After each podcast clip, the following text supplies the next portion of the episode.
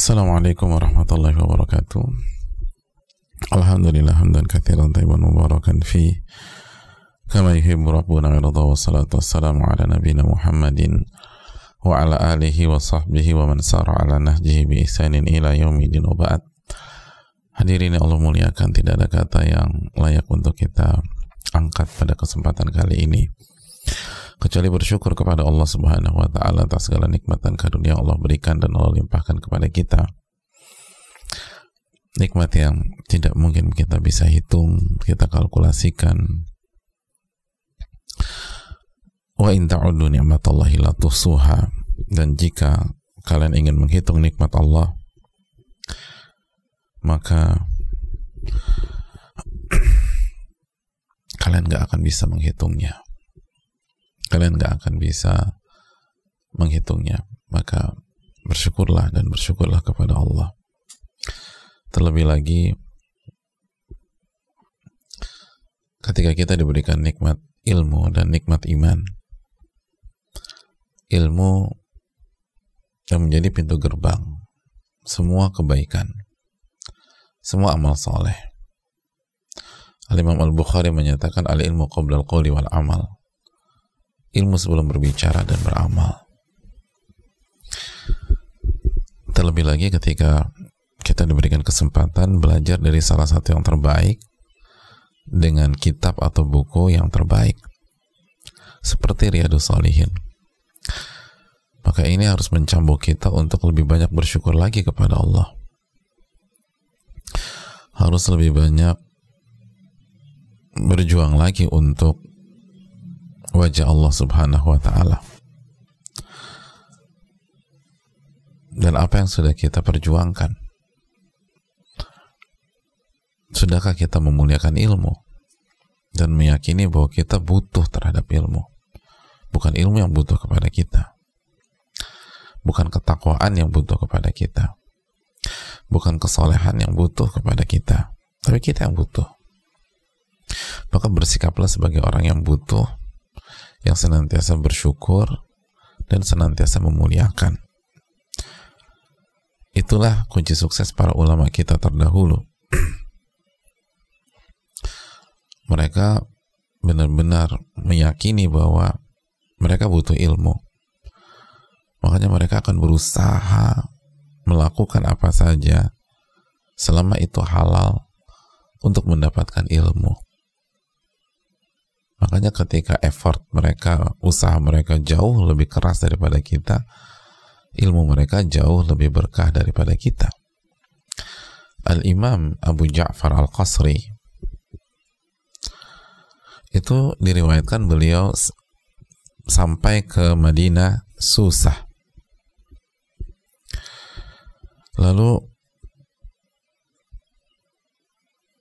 beliau mendapatkan sebuah buku yang sangat bagus.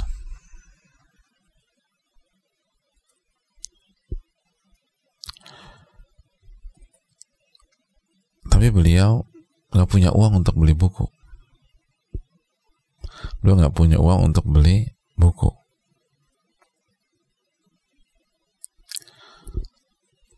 Apa yang beliau lakukan? Kita pengen beli buku tapi nggak punya uang. Lagi jalan gitu ke toko buku. Ini buku bagus banget. Saya butuh nih ilmu ini. Tapi nggak punya uang.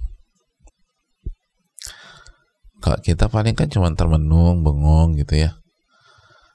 Terus mungkin agak sedikit sedih. Tapi begitu habis itu teman kita traktir semangkok bakso lupa tuh sedihnya tuh. Udah lupa dengan bakso. Atau habis itu udah deh lo nggak usah mikir.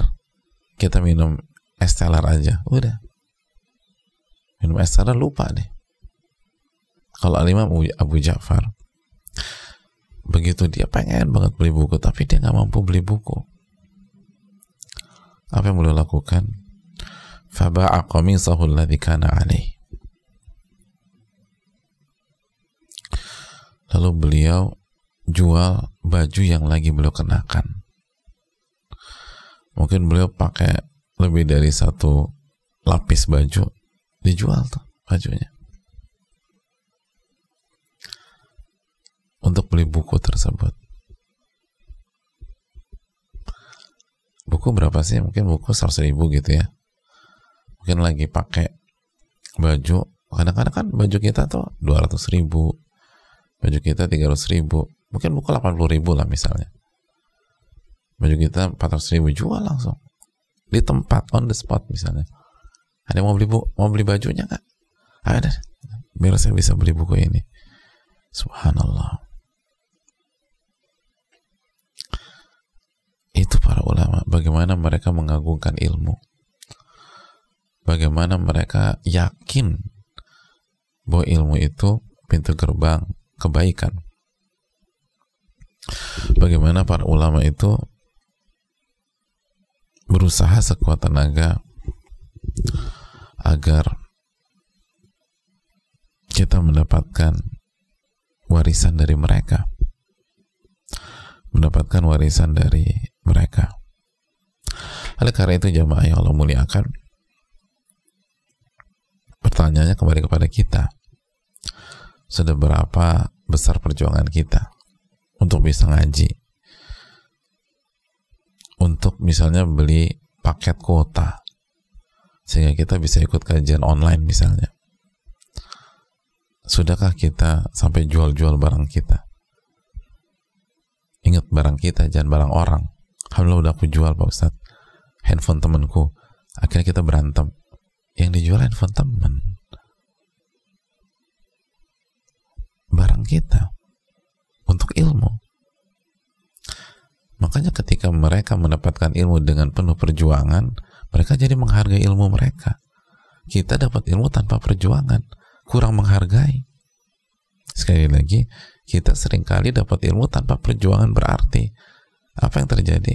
Kurang menghargai. Kurang menghargai. Oleh karena itu hadirin Allah muliakan, ini yang perlu kita camkan bersama-sama. Oleh karena itu, perjuangkankah ilmu kita dan lakukan apa yang bisa kita lakukan untuk mendapatkan ilmu. Jamaah yang Allah muliakan, kita akan kembali bersama Al-Imam Yahya bin Sharaf bin Murri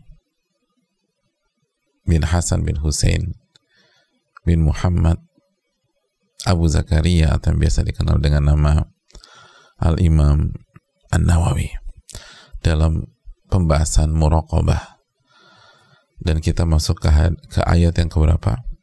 Ayat yang kelima. Ayat yang kelima. Simple, sederhana, tapi dalam. Yaitu dalam surat Ghafir. Berkata Al-Imam An-Nawawi. Semoga Allah merahmati beliau, keluarga, orang-orang tercinta beliau, guru beliau, dan seluruh umat Islam. Sekali lagi jangan pernah lupa doakan ulama-ulama kita. Jangan lupa doakan sosok-sosok yang berjasa memberikan ilmu kepada kita. Siapa pun orangnya. Dan jangan lupa doakan umat Islam. Karena penuntut ilmu itu harus punya sifat insyirahul sadar. Dada yang lapang. Yang mencintai umat Islam. Ini yang perlu kita camkan. Doakan mereka yang sudah berada di jalan yang lurus. Bisa istiqomah yang belum mendapatkan atau yang belum maka doakan mendapatkan hidayah Berkata Imam Nawawi, وقال تعالى يعلم خائنة الأعين وما تخفي الصدور يعلم خائنة الأعين وما تخفي الصدور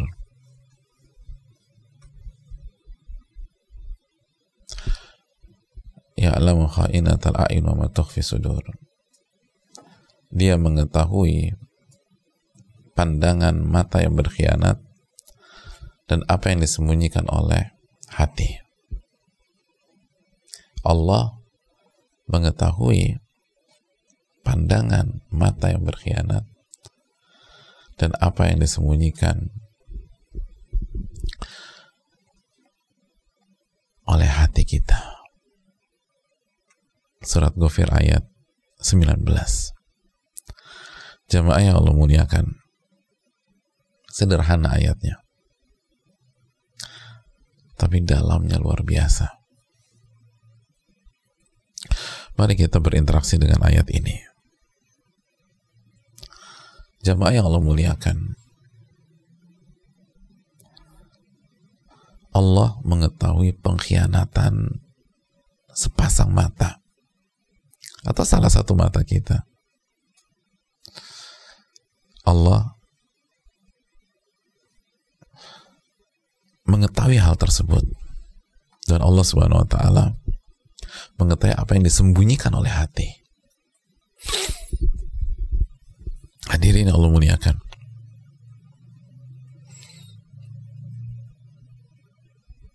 Apa makna pengkhianatan mata? Apa makna pengkhianatan mata? Dan apa makna apa yang disembunyikan di dalam hati?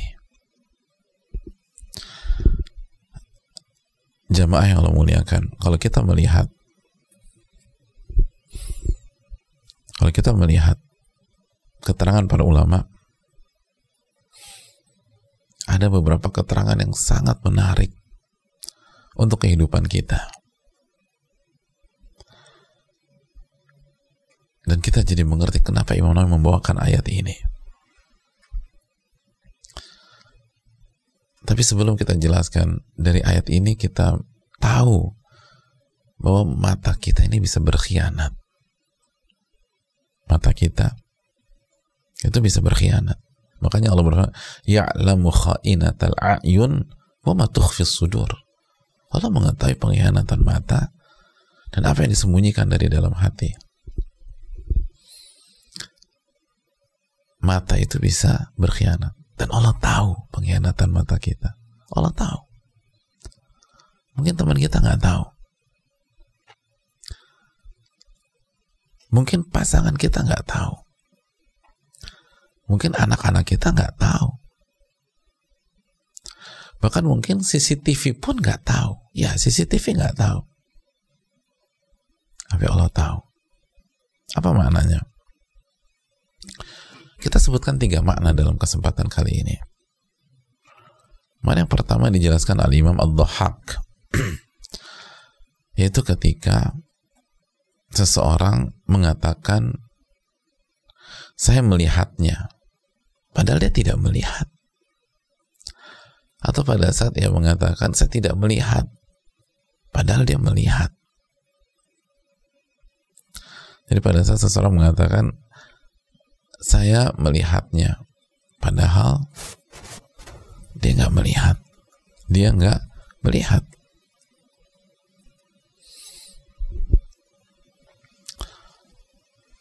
Atau misalnya orang itu tidak mengatakan tidak melihat padahal dia melihat. Pengkhianatan ini dalam dalam konteks ini itu berpadu dengan kebohongan lisan. Jadi ada kebohongan lisan juga di al-musur ini, tapi juga ada ada pengkhianatan. Dia kecoh saudaranya.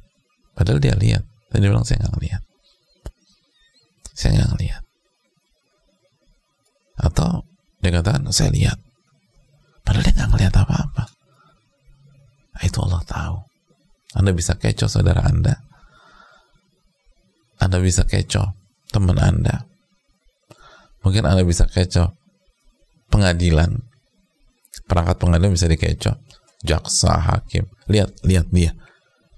Padahal mata dia nggak ngeliat. Pengkhianatan tuh. Pengkhianatan mata digabung dengan kebohongan lisan. Bung dia nggak lihat kok. Dia nggak lihat.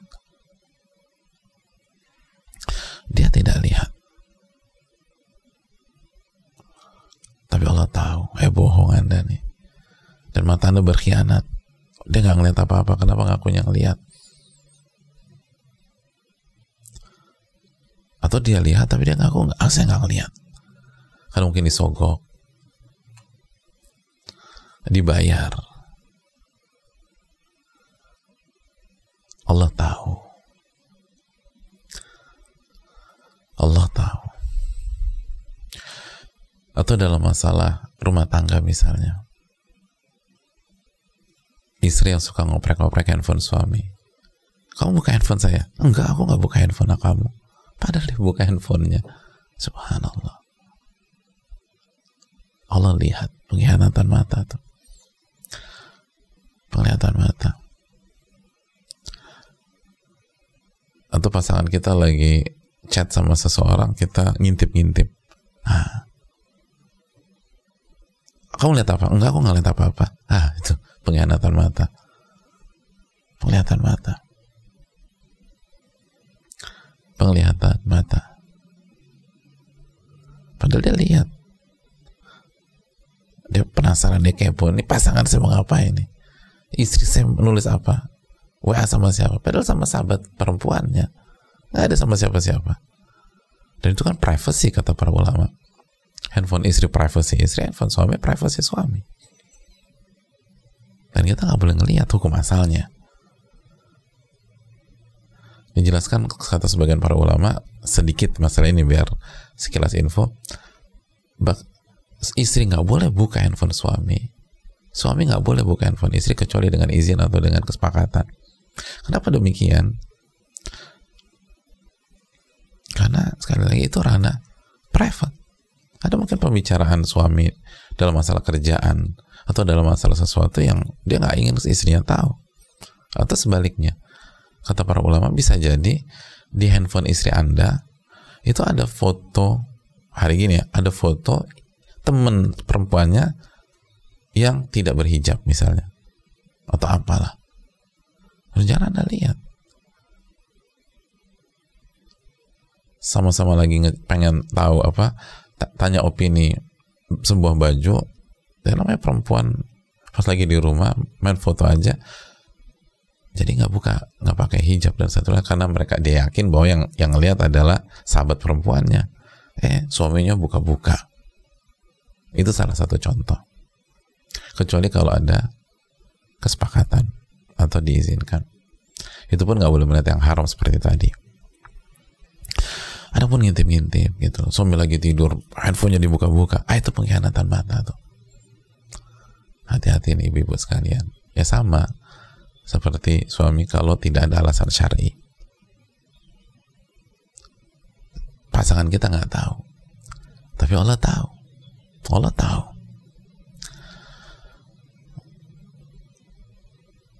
Oh tenang aja Ustadz. Istriku nggak bisa buka handphone. Kok kenapa mas? Pakai fingerprint misalnya. Eh jangan salah. Dia lagi tidur jam satu malam lagi mendengkur jempolnya diambil sama istrinya dipencet buka semua. Masya Allah. Oh nggak tahu dah udah tidur nyenyak. Jempolnya diambil taruh ditempel suaminya nggak tahu ya suami anda nggak tahu Allah tahu. Terus ketika ditanya pagi-pagi kamu buka buka handphone saya enggak enggak buka Ngeliat apa? Enggak, enggak, aku nggak lihat apa-apa. Ya alamu khainatal ayun. Allah tahu loh. Allah tahu. Itu dikatakan. itu wa qatra. Dia mengatakan aku nggak lihat, padahal dia lihat. Atau mengatakan aku nggak lihat, padahal dia lihat. Saya lihat, padahal dia nggak lihat apa-apa.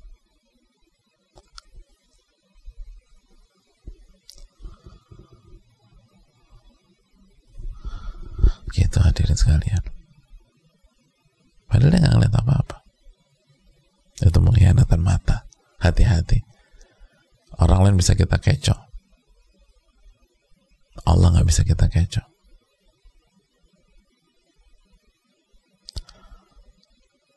Aku lihat wajah kamu berubah ketika ngelihat Mbak Fulana. Padahal su tatapan suaminya nggak berubah sama sekali. Yang benar, iya atau obrolan sesama perempuan eh kamu ada rasa sama dia kenapa? Muka kamu tuh senyum-senyum sendiri berbinar. Padahal nggak berbinar cuma nembak aja. Tes the water. Eh bener kena kejebak. Oh, ada bohong. Orang anda nggak ngeliat apa-apa itu cuma tes the water anda aja. Itu pengkhianatan mata. Pengkhianatan mata.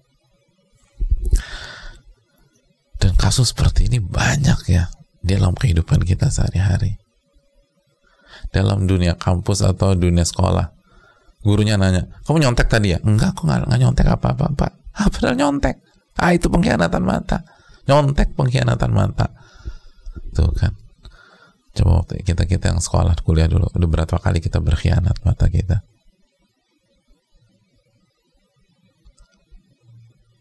Pengawasnya lagi menghadap ke belakang langsung lihat. Pengawasnya lihat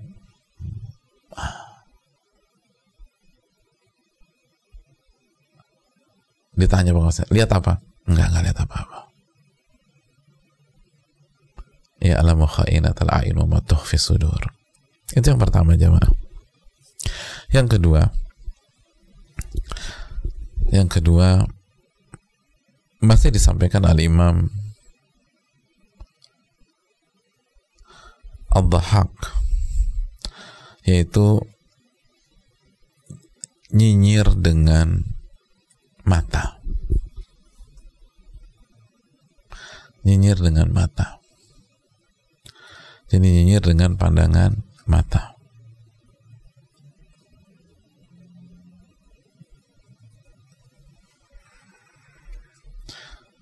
Ketika kita melihat orang atau nyinyir atau setiap pandangan yang kalau orang melihat pandangan kita tuh dia merasa nggak nyaman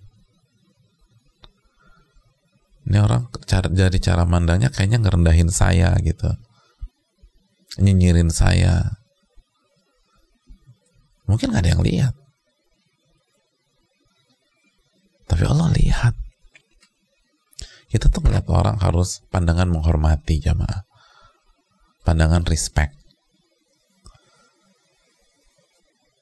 Apalagi kalau dia seorang muslim pandangan sayang. Itu hukum asal. Dan kalau ada sesuatu kita kecewa sama dia kita marah sama dia sabar. Ingat bab sabar. Nggak boleh pandangan-pandangan yang membuat orang tuh merasa rendah. Merasa dikecilkan. Merasa diolok-olok. Mungkin kali lisan nggak ngomong apa-apa. Lisan diem aja. Teh mata. Mata berbeda. Itu pun pengkhianatan. Kenapa? Karena orang pikir kita baik-baik aja, baru tatapan kita ke dia. Dan dia bisa merasa, bisa nggak merasa. Bisa jadi dia nggak merasa juga. Karena konsentrasinya lagi ke arah mana gitu ya. Tapi kita, jadi objeknya nggak ngerti. Kita nyinyirin dia dengan mata kita. Allah tahu jamaah. Allah tahu. Orang itu yang kita nggak suka itu nggak ngerti. Dia sedang kita rendahkan dengan pandangan mata kita tapi ya'lamu kha'inatal a'in wa ma sudur Allah mengetahui pengkhianatan mata Anda. Seakan-akan Anda baik aja padahal Anda jatuhkan orang. Seakan-akan Anda menghormati orang padahal Anda merendahkan orang.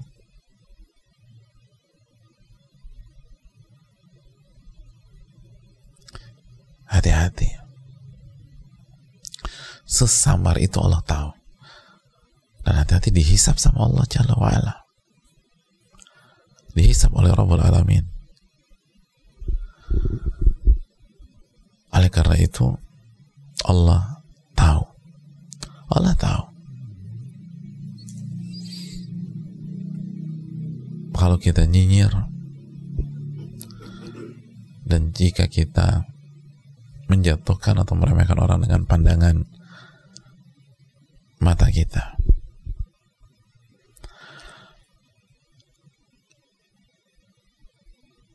Itu yang kedua.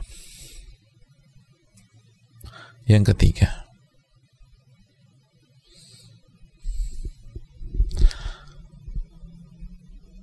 Yang ketiga mencuri-curi pandang.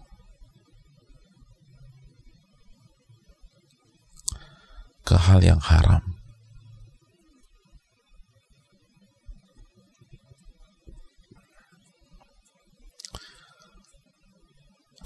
Mencuri-curi pandang ke hal yang haram. Al-Farra mengatakan pandangan kedua. Misalnya kepada wanita bukan mahram dengan sengaja. Karena pandangan pertama kan dia dimaafkan. Begitu juga Sufyan menjelaskan bahwa pandangan-pandangan selanjutnya. Karena seyogyanya seorang muslim begitu dia melihat atau tidak sengaja dia harus langsung palingkan pandangannya. Jangan dilanjutkan kedua ketiga keempat dan kelima. Nah kedua seterusnya ini masuk pengkhianatan mata. Karena mata tidak diciptakan untuk itu.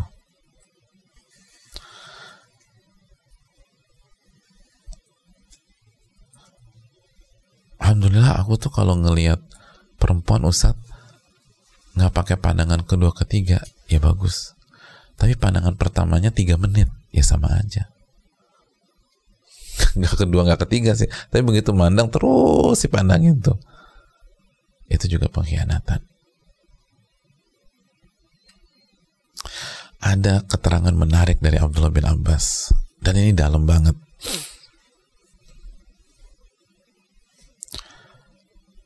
Kata Abdullah bin Abbas, salah satu makna dari ayat ini, penghinaan mata, wahuwa rajulu, yaitu seseorang.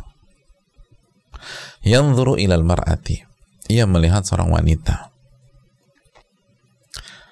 Dia melihat seorang wanita. Fa'idha nazar ilaihi ashabu qadha basarah. Ketika dia lagi lihat seorang wanita, lalu teman-temannya, sekelilingnya memperhatikan dia, maka dia tundukkan pandangannya.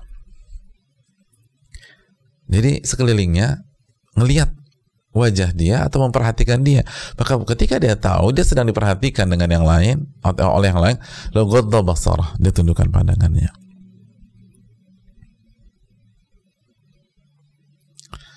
Fa'idha ra'a minhum ghaflah tadassasa binadhar. dan ketika dia melihat lingkungannya, teman-temannya, fokusnya ke tempat lain atau ke hal lain, dia lihat lagi wanita tersebut secara diam-diam. Dia curi-curi pandang.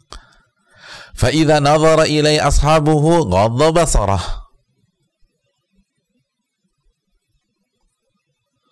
Lalu ketika lingkungannya kembali memperhatikan dia, dia tundukkan lagi pandangannya. Itu masuk ke dalam ayat ini. Pengkhianatan mata. Ketika orang lengah, dia lihat hal yang haram. Begitu perhatian orang ketertuju pada dirinya, dia sok-sok soleh lagi. Betul basar. Begitu dia nggak diperhatikan, lihat lagi. Diperhatikan, godul basar. Mereka mis, perhatikan lagi. Begitu.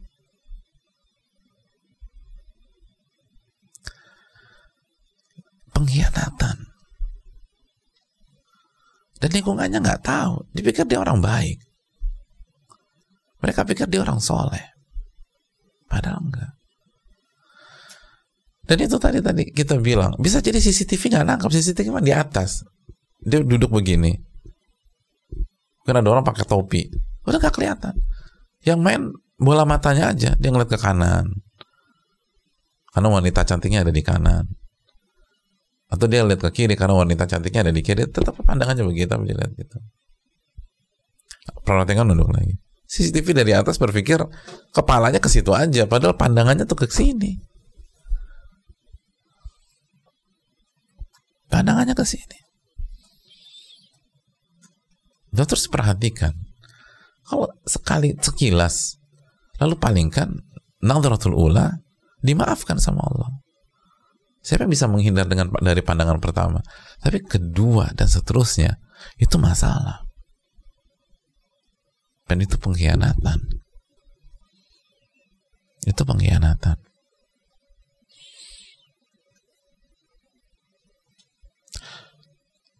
Atau kalau sekarang di gadget atau di sosial media kita. Siapa yang bisa memfilter sosial media atau IG-nya?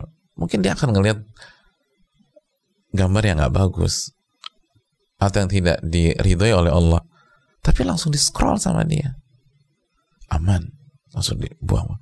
Tapi kalau misalnya dia lihat gambar nggak bagus, terus dia ngeliat kanan kiri dulu, ada yang perhatikan dia nggak? Oh nggak ada, dia lihat lagi. Pengkhianatan. Pengkhianatan. Saya begitu pas dia buka, tiba-tiba ada sahabatnya datang atau orang tua datang langsung di scroll. Terus begitu mereka pergi, dicari lagi.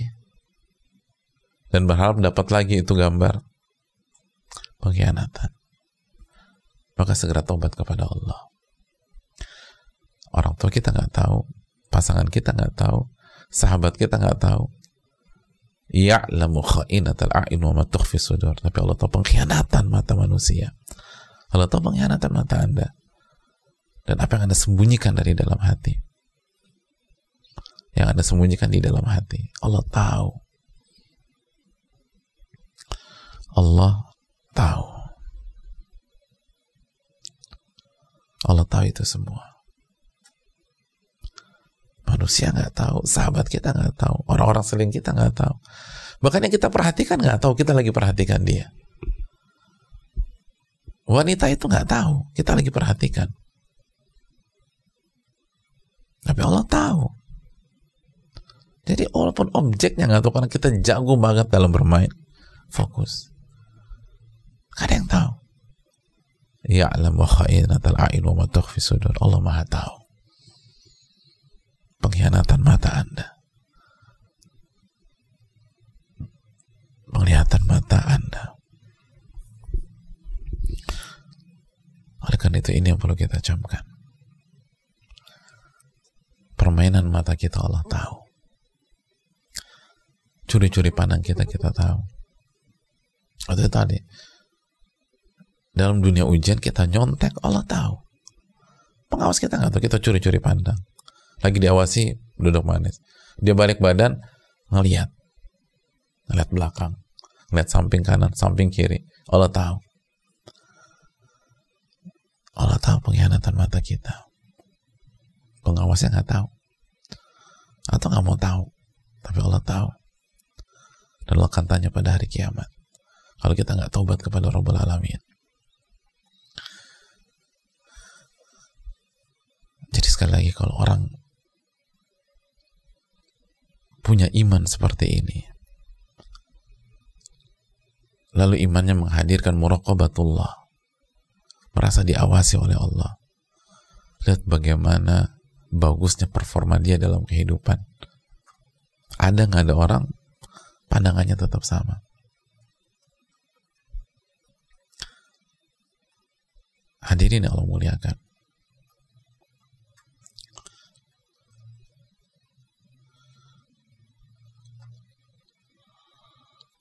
Dan ini penting. Ini penting. Karena mata adalah sumber eh, mata adalah salah satu informan penting dalam diri kita. Maka jika mata berkhianat, maka yang dibawa masuk ke dalam diri ini adalah data-data yang negatif. Data-data yang haram kalau bahasa dunia informasi, data-data sampah. Dan begitu data-data sampah yang dimasukkan, maka itu akan berdampak pada diri kita. Sekali lagi, ini bukan hanya tentang ini dosa. Itu udah pasti. Allah tahu. Tapi juga ini berkaitan dengan begitu kita melakukan pengkhianatan mata, yang kita masukkan ke diri kita adalah data yang haram data yang haram maka itu bisa merusak diri kita. Nanti kita jelaskan keterangan Ibn Abbas dalam masalah ini. Ini menarik. Oleh karena itu jaga mata kita agar tidak berkhianat. Karena pengkhianatan mata bukan hanya mengkhianati pihak lain bukan hanya mengkhianati Allah subhanahu wa ta'ala. Dan itu yang paling penting tentu saja tapi juga mengkhianati diri sendiri karena itu ngerusak diri sendiri. Itu merusak diri sendiri. Kita akan sebutkan keterangan Abdullah bin Abbas sebentar lagi dengan izin Allah. Oleh karena itu jaga. Kita jaga.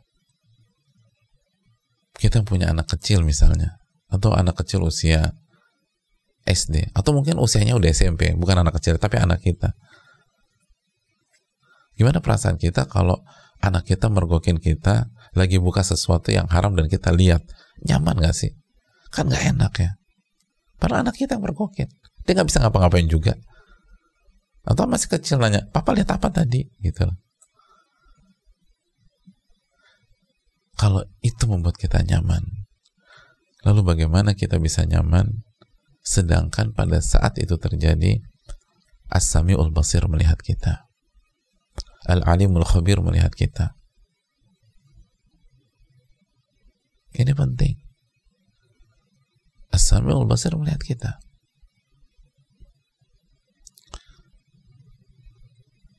Yang punya surga dan neraka melihat kita. Yang punya hari kiamat melihat kita. Yang akan menghisap kita melihat kita. Kok kita bisa nyaman? Oke kita manusia, suka lalai, suka hilap. Segera istighfar. Segera tobat. Jangan merasa nyaman. Siapa yang nggak pernah buat salah? Apalagi sekarang. Gimana cara kita jaga mata coba di Jakarta? Ya nabrak. Kalau jalan bisa jatuh. Mau semuanya bermasalah. Depan belakang masalah. Atas bawah masalah. Dep kanan kiri masalah semua. Tapi segera balut dengan istighfar obati dengan istighfar. Lalu jangan merasa nyaman. Alihkan alihkan alihkan. Dan Allah mau tahu bahwa kita udah berusaha gitu loh. Kita udah berusaha. Tapi adapun sebagaimana kata dan sengaja itu kan sengaja. Begitu orang lihat pura-pura soleh. Menundukkan pada orang lemah ngelihat lagi. Itu kan memang sudah Emang sudah jadi pola. Maka jaga hati-hati dengan pengkhianatan mata. Dan semua yang diharamkan untuk kita lihat. Atau dilarang untuk kita lihat.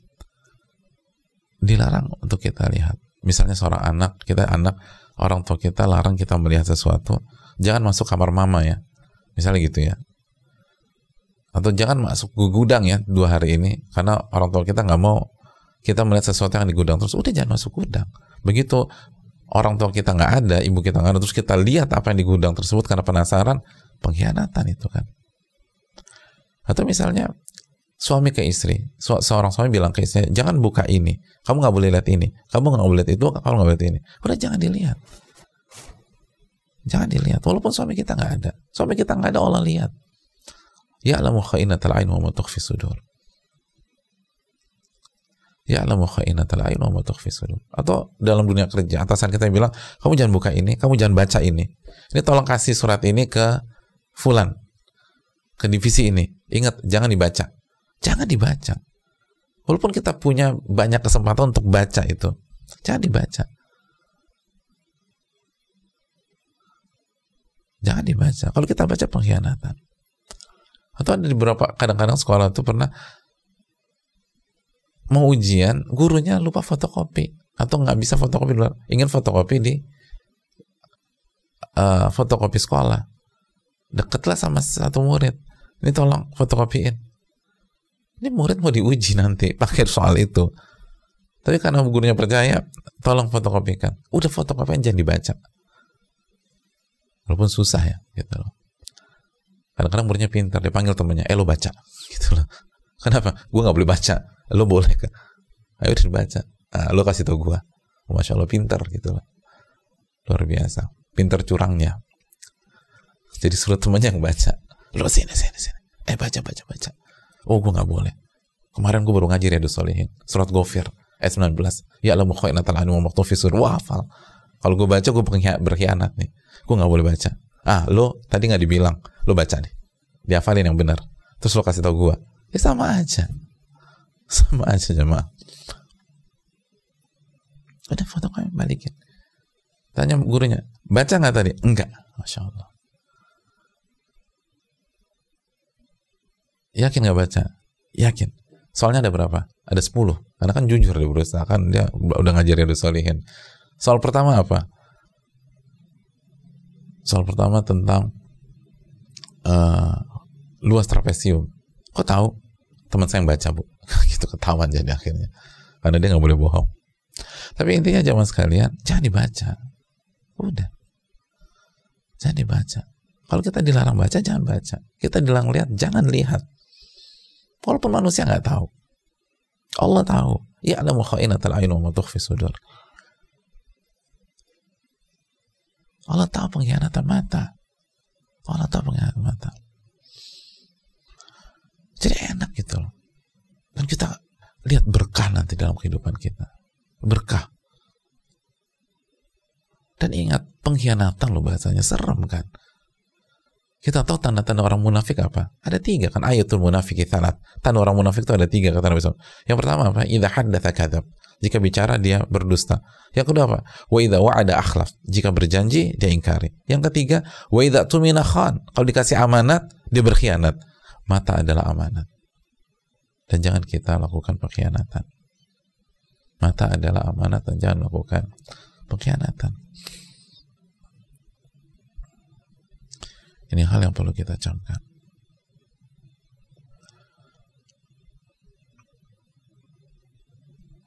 Itu yang perlu kita renungkan. Hati-hati jangan berkhianat.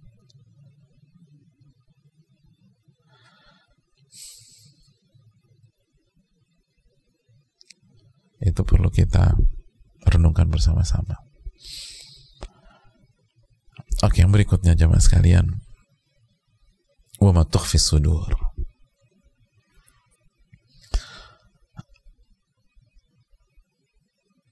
dan Allah tahu apa yang disembunyikan di dalam hati. Atau Allah tahu yang disembunyikan di dalam dada. Dan dalam dada adalah hati. Apa maknanya?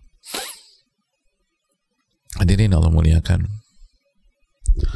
Yang pertama maknanya adalah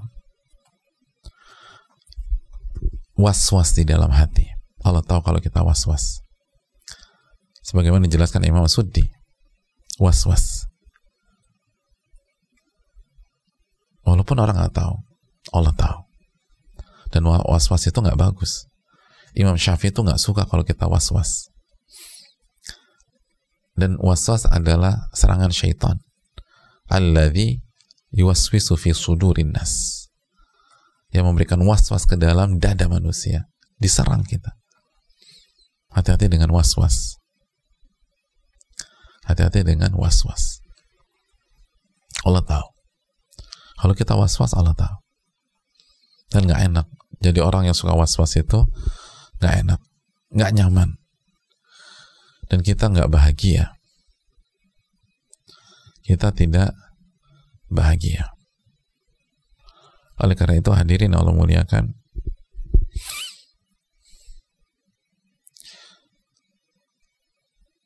Dan kita bisa sengsara. Jadi was-was itu dihilangkan was-was itu dihilangkan.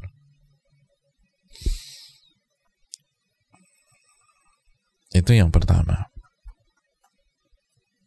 Itu yang pertama. Yang kedua, apa yang dikatakan Abdullah bin Abbas adalah pikiran-pikiran kotor di dalam hati kita. Pikiran-pikiran kotor.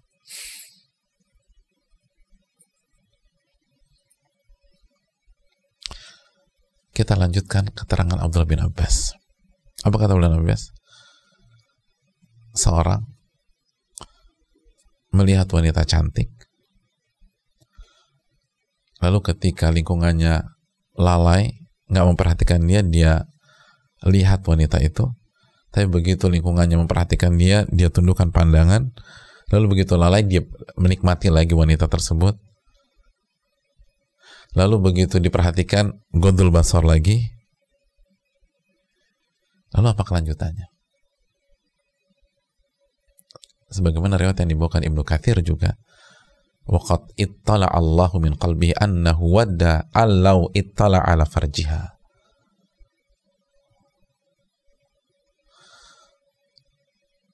Dan begitu itu dilanjutkan uh, apa lingkungannya atau orang-orang sekelilingnya nggak uh, fokus ke dia, dia perhatikan wanita itu.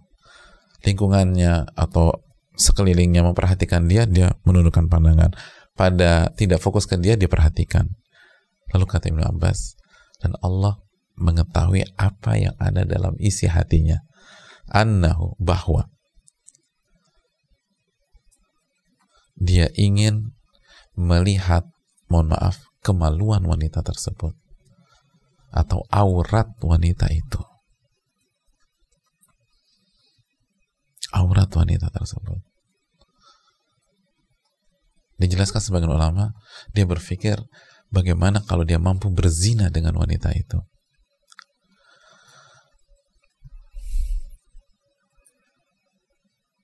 Allah tahu Allah tahu fantasinya nah, itu.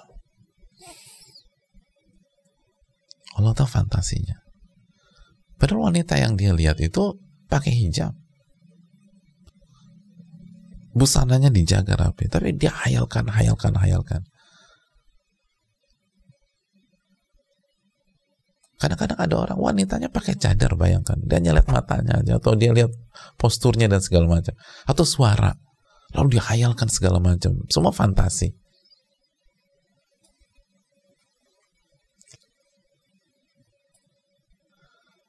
Dan dia berharap bisa berzina.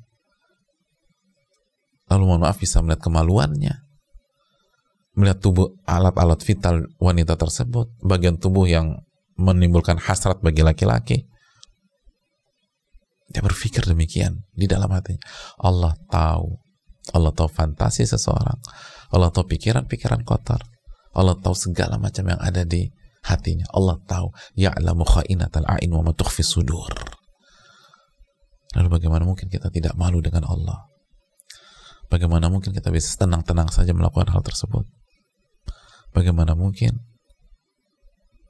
kita nggak ada perasaan bersalah dan nggak takut kalau bertemu dengan Rabbul Alamin? Dan ini yang tadi kita bahas. Lihat cuma sekalian, keterangan Abdul bin Abbas. Sampai pada titik, Allah tahu ketika dia ingin melihat apa? Melihat kemaluan wanita itu. Mohon maaf. Atau dalam keterangan ulama, berzina dengan wanita itu. Nah pertanyaannya, dari mana awal, dari mana, dari mana awalnya dia bisa punya fantasi itu? Dia punya pikiran kotor itu itu dari mana? Dari data yang disampaikan oleh mata dia. Pada saat matanya berkhianat. Artinya, kalau matanya nggak berkhianat, fantasi itu nggak akan ada dengan izin Allah. Kalau matanya nggak nggak nggak bermain tadi, pikiran kotor itu nggak ada, karena objeknya nggak ada gitu loh. Itu yang tadi kita bahas bahwa pentingnya kita menjaga ini, karena mata bukan hanya sekedar melakukan dosa atau pengkhianatan, tapi dia bawa data racun ke dalam hati kita. Akhirnya kita macam-macam. Akhirnya kita macam-macam. Gak jelas sudah.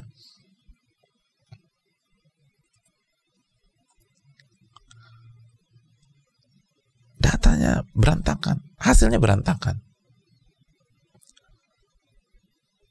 Pikirannya, kan itu tadi Lau itala ala farji. Kalau dia bisa melihat, mohon maaf, kemaluan wanita tersebut. Kemaluan siapa? Wanita itu. Kok bisa tahu? Ya dia lihat tadi. Akhirnya menerawang macam-macam. Itu bahaya. Itu bahaya. Makanya harus dikat. Karena mata adalah sumber data yang akan menentukan diri kita dan jiwa kita atau hati kita. Dan poinnya adalah Allah tahu semuanya. Allah tahu semuanya. Walaupun manusia nggak tahu, Allah tahu. Bahkan yang tersembunyi dalam hati, nggak tahu, yang lain nggak tahu. Kalau mata mungkin masih bisa kepergok, kita lagi lihat ternyata dari satu sisi ada perhatikan kita ngelihat wanita tersebut. Tapi hati siapa yang tahu? Dan Allah tahu. Allah tahu. Wa ma sudur yang engkau sembunyikan di dalam hati, yang nggak pernah engkau buka ke siapa pun. Kita nggak pernah cerita ke suami kita, kita nggak pernah cerita ke istri kita, kita nggak pernah cerita ke anak kita, kita nggak pernah cerita ke sahabat kita, kita nggak pernah cerita ke guru kita, nggak pernah ada seorang pun yang kita ceritakan. Allah tahu. Ya'lamu kha'inatul a'in wa tukhfi sudur. Allah tahu pengkhianatan mata dan apa yang disembunyikan oleh hati. Dan kita akan kembali kepada Rabbul Alamin. Kita akan kembali ke Rabbul Alamin. Gimana sih perasaan kita? Dulu waktu pertama-tama kali kita belajar mobil, misalnya kita bawa mobil orang tua, lalu kita nabrakin tuh mobil, karena belum jago gimana perasaan kita ketika pulang ke rumah? Dan kita akan bertemu dengan orang tua kita lalu orang tua melihat mobilnya bempernya rusak. Gimana perasaan kita? Ada sebagian nggak berani pulang. Ketakutan. Lalu bagaimana ketika kita melakukan pengkhianatan pengkhianatan ini dan hati kita penuh dengan keburukan penuh dengan dosa hati kita penuh dengan hal-hal yang gak bagus lalu kita akan kembali ke Allah Subhanahu wa taala. Bukankah sejatinya kita semua melangkah menuju perjalanan pulang kita? Perjalanan pulang menuju Rabbul Alamin. Perjalanan pulang menuju Malik Yaumiddin. Yang akan dikumpulkan oleh Allah Subhanahu wa taala dan akan ditanya oleh Allah Subhanahu wa taala. Kullukum ra'in wa kullukum mas'ulun an ra'iyati.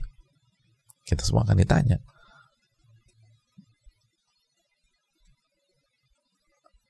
Kita semua akan ditanya oleh Allah la tazalu ta'ifatun eh, la la tazulu qadama 'abdin yaumal qiyamah hatta yus'al an arba. Kaki seorang hamba tidak akan beranjak dari sisi Allah sampai ditanya tentang empat perkara. Lalu ketika kita hidup hati kita kotor hati kita penuh dengan hal-hal maksiat hati kita nggak sabar hati kita menolak takdir Allah hati kita tidak mau tunduk kepada Rabbul Alamin hati kita mempertanyakan Allah hati kita mempertanyakan takdir Rabbul Alamin secara negatif. Hati kita suudon dan buruk sangka kepada Allah. Lalu bagaimana kita bisa menghadap Allah? Dan semuanya tahu. Orang lain nggak tahu. Orang lain pikir kita orang baik soleh soleh segala macam. Allah tahu. Ya wa sudur. Allah tahu pengkhianatan mata. Dan apa yang anda sembunyikan dalam hati anda? Lisan anda mungkin manis. Lisan anda mungkin cantik. Lisan anda mungkin bagus dalam memilih kata tapi Allah tahu apa isi hati Anda. Isi hati kita. Dan hari kiamat semua akan diminta pertanggungjawabannya oleh Allah Subhanahu wa taala. Maka merasa diawasi oleh Allah. Muraqabatullah itu penting. Muraqabah bukan hanya lisan, bukan hanya tangan, bukan hanya kaki, bukan hanya mata, bukan hanya pendengaran. Muraqabah hati. Makanya sekali lagi orang yang muraqabatullahnya kuat, maka performanya di, di kehidupan itu lahir batin sama, sama. Sama-sama bersih. Karena dia tahu. Yang mengawasi itu sampai ke lubuk hatinya, bukan hanya di lisan doang. Adapun manusia hanya di lisan. Yang penting kata-kata manis selesai bagi manusia. Tapi Allah nggak demikian. Allah nggak demikian. Betapa banyak orang yang bekerja di di public service kata-katanya bagus. Bukan hanya satu dua tahun. Puluhan tahun kata-katanya bagus. Tapi begitu selesai kerjaannya di rumah celah orang caci maki orang segala macam. Tapi dia bisa perform puluhan tahun di ranah publik kata-katanya manis. Kata-katanya manis.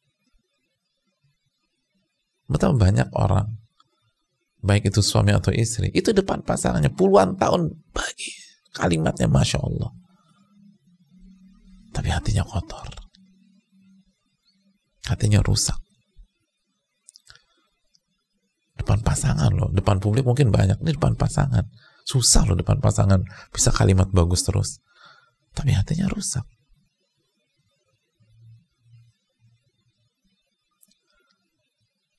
Dan ketika pasangannya ada baru kelihatan. Ya la mukhainatul anu wa sudur. Allah mengatakan pengkhianatan mata dan apa yang kita sembunyikan di dalam hati kita.